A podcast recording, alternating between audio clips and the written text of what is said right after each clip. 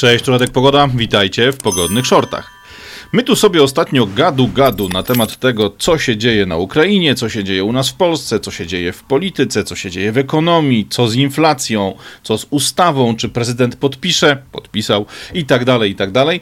A tymczasem, po cichutku, za naszymi plecami, jak złodziej, który zakrada się w nocy do waszej sypialni, Unia Europejska realizuje coś, o czym założę się nie mieliście pojęcia. Ja przynajmniej nie miałem.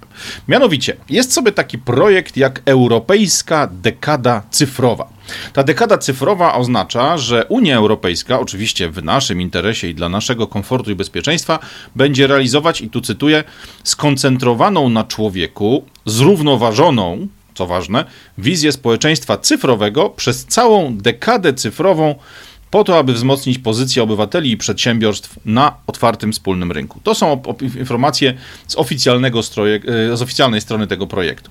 Jakie są pomysły? No, pomysły oczywiście bardzo szerokie, e, bardzo mocno zbliżone do agendy 2030, o której też musimy sobie zrobić osobny materiał. Natomiast to, co jest kluczem, e, to tak naprawdę taki pełen, pewien zestaw haseł, pewien zestaw informacji, które unioniści, ludzie, którzy w tym projekcie biorą udział, wrzucają nam na głowę i którzy, w którym pokazują, jak jak wyobrażają sobie funkcjonowanie właśnie tej nowej dekady cyfrowej, albo właściwie inaczej, celów, do których chcieliby dotrzeć. No i te cele są bardzo proste. Pierwszy z nich to jest to, że wszędzie ma funkcjonować bardzo szybki internet. E, bardzo szybki internet można czytać bardzo jasno, że będzie to sieć 5G mm, emitowana z nadajników naziemnych, ale również internet emitowany w postaci satelitarnej, emitowany z nisko wiszących satelitów geostacjonarnych. Czy będzie to sieć e, Ilona Maska, czy będą to jakieś inne rozwiązania, nie wiemy. Wiemy na pewno, że jest im obietnica, aby wszędzie był ten super szybki internet. Oczywiście z jednej strony, tak jak to na zdjęciach reklamowych widać, będzie to przydatne dla jakiejś dziuni, która zabłądziła gdzieś w górach i patrzy, gdzie się znajduje, albo wysyła tweetika, czy instagramowe zdjęcie, jak to pięknie wlazła na szczyt, ale ma to też oczywiście drugą stronę medalu, będzie wiadomo, gdzie znajdują się poszczególne aparaty telefoniczne przy naszych biodrach, gdzie znajduje się użytkownik, co robi, w jakim położeniu się znajduje, a także kto jest obok niego, jakie inne telefony, jakie inne smartfony logują się z tej samej pozycji.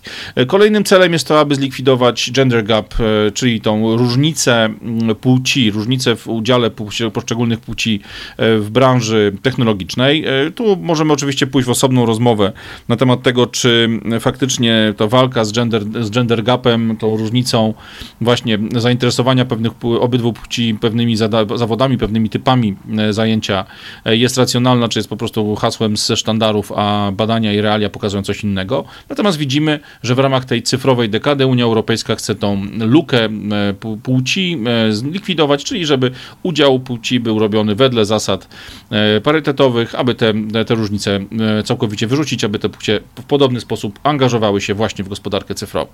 Kolejnym celem jest to, aby zarówno młodzi, jak i starzy wszyscy używali technologii. Tu oczywiście korzystali z dobrodziejstw, które ta technologia przynosi, ale również byli w zasięgu tej technologii, aby więc było wiadomo, co się z nimi dzieje. Celem jest to, aby usługi publiczne całej jakby Unii Europejskiej były dostępne online dla każdego obywatela kraju Unii Europejskiej, czyli tych wszystkich 27 krajów połączonych, a nawet szerzej, bo o tym pogadamy za chwilę. E, celem oczywiście jest to, aby technologia pomagała ludziom, pomagała planecie. No my znając trochę realia będziemy wiedzieli, że tutaj ten element środowiskowy będzie pewnie w dużym stopniu zmieniał życie ludzi, a trochę mniej ludzie, zwykli ludzie będą mieli wpływ na to, co dzieje się w imię środowiska, w imię tego wszystkiego, co się dzisiaj przed nami e, rozgrywa. Element bardzo niebezpieczny, testowany już w Polsce e, w latach e, pandemii, e, to jest to, że wszyscy obywatele mają mieć dostęp do swoich danych medycznych składowanych online. Czytając między wierszami znowu daje to jasną informację, że owe dane medyczne mają zostać przeniesione do online'u, czyli do jakiejś tam chmury, zarządzanej pewnie przez wierzącym, jakby zabiegających o nasze bezpieczeństwo, komfort i spokój firmy, które robią to oczywiście z dobroci serca. Ci obywatele, czy dane dane tych obywateli unijnych dzisiaj są w bezpiecznych archiwach waszych lekarzy rodzinnych, szpitali i wielu, wielu innych miejsc. Plan jest taki, aby one wszystkie trafiły do chmury, aby do nich wszystkich dostęp był przez właśnie e, środki elektroniczne, przez internet.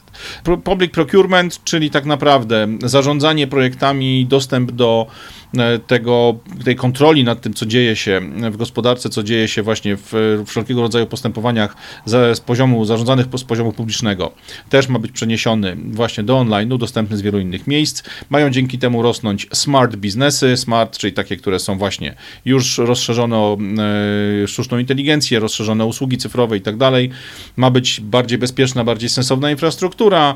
Nasze społeczności mają się stać nie tylko demokratyczne, co ciekawe, wydawało nam się, że one wszędzie już takie są, ale mają również być sustainable, czyli mają być te zrównoważone, mają być e, sprowadzone w sposób, który właśnie odpowiada tej, nowej religii klimatycznej e, i mają być to społeczeństwa już cyfrowe.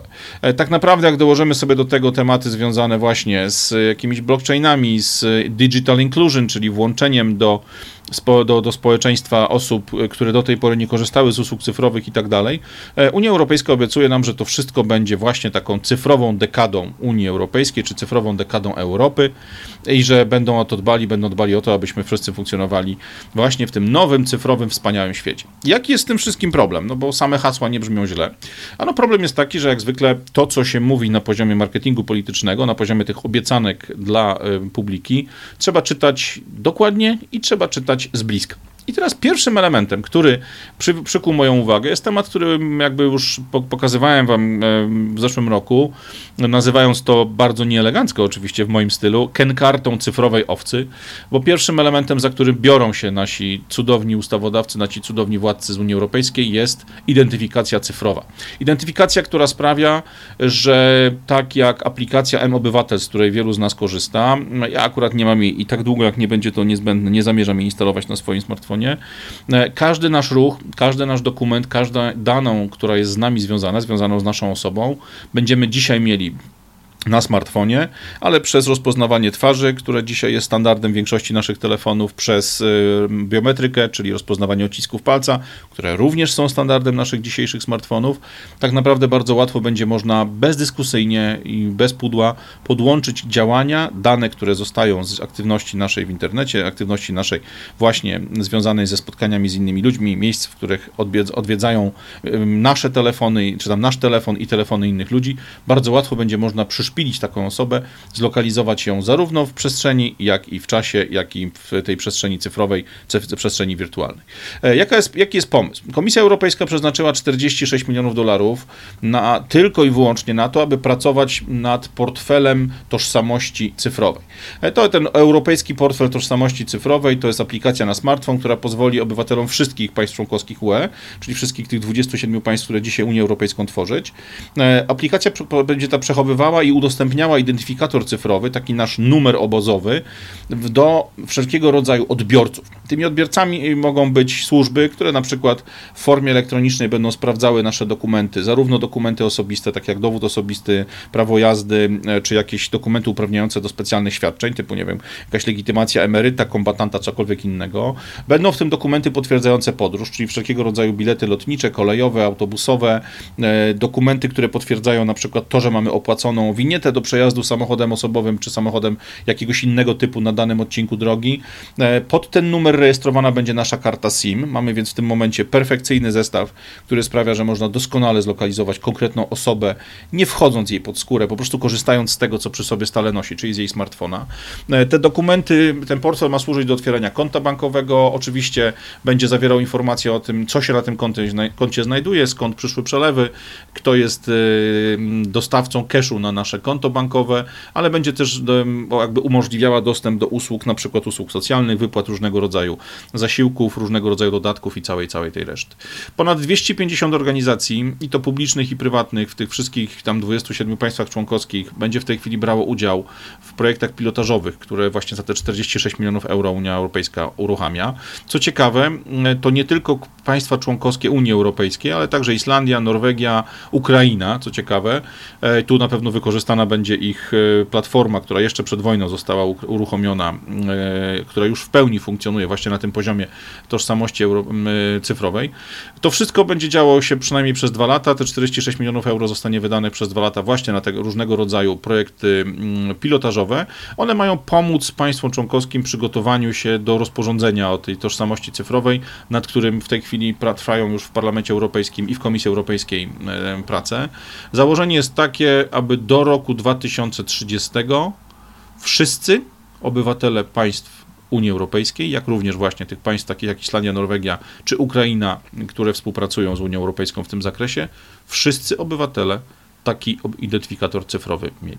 Tu oczywiście mm, podnoszą się głosy, którym ja zresztą sam przyklaskuję, głosy, które mówią jasno o bezpieczeństwie projektu, zarówno w tym najprostszym znaczeniu, że dane, wszystkie dane nasze, związane z naszym zdrowiem, majątkiem, stanem posiadania, gotówką, y, informacjami o tym, gdzie jesteśmy, co robimy, jakie są nasze nawyki, że te wszystkie dane znajdujące się w jednym systemie staną się z automatu bardzo atrakcyjnym kąskiem dla wszelkiego rodzaju cyberprzestępców, jak i też przestępców tych, nazwijmy to, normalnych, standardowych, działających w prawdziwym świecie, to przecież doskonale było, byłoby mieć dostęp do informacji o tym, że w czwartek pani Kasia, która jeździ Porsche i mieszka w pięknym domu na przedmieściach Warszawy, te, nie wiem, Berlina czy jakiegokolwiek innego miasta na tym terenie, co czwartek o godzinie 16 opuszcza swój dom i na 4 godziny jedzie gdzieś tam, nie wiem, na spa czy na jakieś tańce.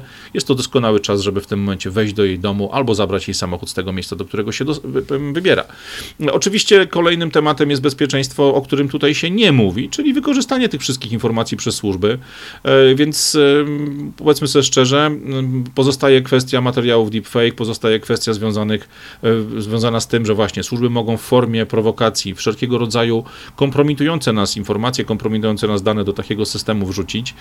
To są wszystko rzeczy, które są nie, jakby nie są dyskutowane otwarcie, ale wokół których toczą się, toczą się różnego rodzaju rozmowy. Odbywają się na ten temat również warsztaty czy różne, inne, różnego innego rodzaju spotkania właśnie w strukturach europejskich. Natomiast wszyscy skupiają się tutaj znacznie mocniej na temat tego, jakie to, jak zabezpieczyć się przed tymi, nazwijmy to, prywatnymi pomysłami na wykradzenie danych, właśnie przez przestępców, zarówno cyberprzestępców z cyberprzestępczości, jak i tych z przestępczości e, standardowej, tej funkcjonującej w prawdziwym życiu. Nie mówi się o tym, co z naszymi danymi będą robiły korporacje, nie mówi się o tym, co będą robiły instytucje europejskie, instytucje krajowe, w jaki sposób nasze życie zmieni się wtedy, kiedy władza, władzuchna nasza najukochańsza, do serca przytulona, będzie o nas wiedzieć absolutnie wszystko i z absolutnie każdego źródła, z którym na co dzień e, obcujemy.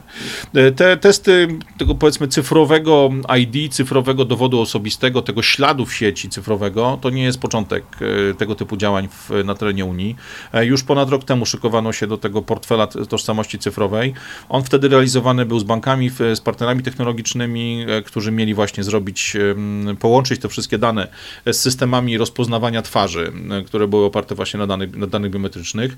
E, jeśli komuś to przypomina mocno rozwiązania, które dzisiaj w Chinach są standardem przed wejściem do budynku urzędowego, przed wejściem do jakiegoś e, zespołu na przykład mieszkalnego i tak dalej, i tak dalej, nie powinniśmy być zdziwieni. Unia Europejska, podobnie jak Kanada, Australia, Nowa Zelandia, Stany czy wiele, wiele innych miejsc na świecie, całymi garściami czerpie tego typu pomysły właśnie z Chin, które są w tych projektach najdalej rozwinięte.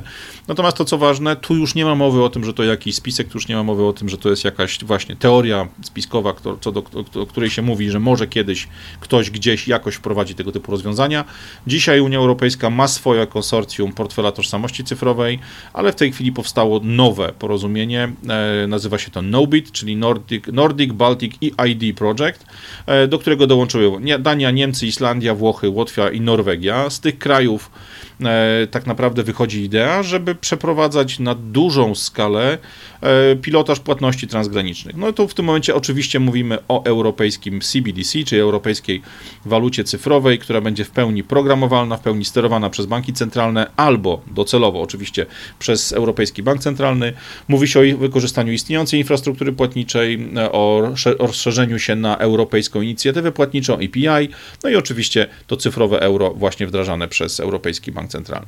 Jeśli dodamy do tego, mm, do tej listy krajów, takich właśnie jak Norwegia, e, jak Islandia, które nie są członkami Unii, dodamy to, co dzieje się w Wielkiej Brytanii, gdzie przede wszystkim Tony Blair, były premier, mocno pompuje, mocno ciśnie właśnie stworzenie, stworzenie tego cyfrowego ID, cyfrowej tożsamości, dokumentu tożsamości dla wszystkich Brytyjczyków, e, kiedy widzimy za tym działania w tej chwili już króla Karola III, a kiedyś księcia Karola, e, który w pełni w agendę 2030, w budowanie tej e, rzeczywistości 4.0 zgodnie z zamiarami, zgodnie z planami ludzi z Davos, zgodnie z planami ludzi stojącymi za agendą 2030 przyklaskiwał, to tak naprawdę widzimy jedno. E, mamy do czynienia z takim przerażającym państwowym planem śledzenia cię od kołyski aż po grób, zarówno w tym życiu fizycznym, życiu realnym, bo będziemy wiedzieli, gdzie jesteś dzięki twojemu smartfonowi, będziemy wiedzieli, co robisz, z kim się spotykasz, jakie inne smartfony pojawiły się w twojej, w twojej bezpośredniej bliskości. Będziemy widzieli, co kupujesz, komu płacisz, za co płacisz, dokąd pojechałeś, skąd wróciłeś, ile tam czasu spędziłeś. Będziemy wiedzieli, co robisz w internecie, bo przecież ten ślad będzie widoczny przy logowaniu się do, do przeglądarki internetowej i będziemy widzieli praktycznie wszystko, od kołyski aż po grób.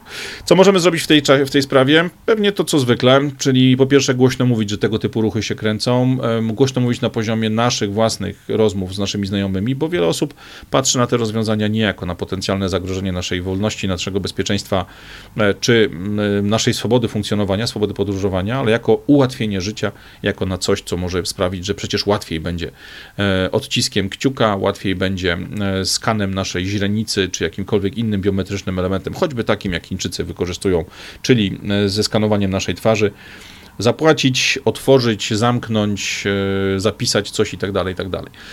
Ludzie muszą zrozumieć, że to wszystko, te wszystkie ruchy mają na pewno nie dwie, nie jedną, a dwie, a może nawet więcej stron. Dają dostęp, owszem, dla nas do komfortowych rozwiązań, które sprawiają, że nasze życie staje się łatwiejsze, ale po drugiej stronie mają wysoką cenę. Cenę, którą można właśnie tak określić. Przerażający państwowy plan śledzenia cię od kołyski aż po grób. A wszystko to dzięki aplikacji, którą dziś mamy na naszych smartfonach, a docelowo pewnie wejdzie ona jeszcze bliżej naszego ciała, aż w końcu stanie się jego częścią, w końcu wejdzie nam pod skórę. Popatrzcie na te materiały, popatrzcie na te zdjęcia, które przed chwilą Wam pokazałem i yy, pilnujmy tego, co słychać w mediach, nie na tych pierwszych dwóch, trzech, czterech minutach, nie na tych jedynkach, na tych najważniejszych polach yy, w każdym serwisie internetowym, czy w każdym serwisie telewizyjnym, czy radiowym. Popatrzmy na to, co mówi się właśnie o tym, że Polska wprowadza coś nowego w zakresie waluty, coś nowego w zakresie bezpieczeństwa informacji, jakieś nowe pomysły, jakieś nowe dokumenty. To wszystko jest częścią większej całości. Patrzmy na to, bo od zauważenia, że to wszystko zmienia się wokół nas i idzie w jednym kierunku, zaczyna się to, żebyśmy mogli z tym tematem walczyć, a przynajmniej go opóźnić, sprawić, aby jak najpóźniej ten przerażający państwowy plan śledzenia cię od kołyski aż po grób stał się naszą rzeczywistością i rzeczywistością naszych dzieci. Radek Pogoda, niespecjalnie niestety pogodne shorty, ale cóż poradzić, to wszystko biegnie niezależnie od tego, czym my w tym czasie się zajmujemy. Trzymajcie się, cześć!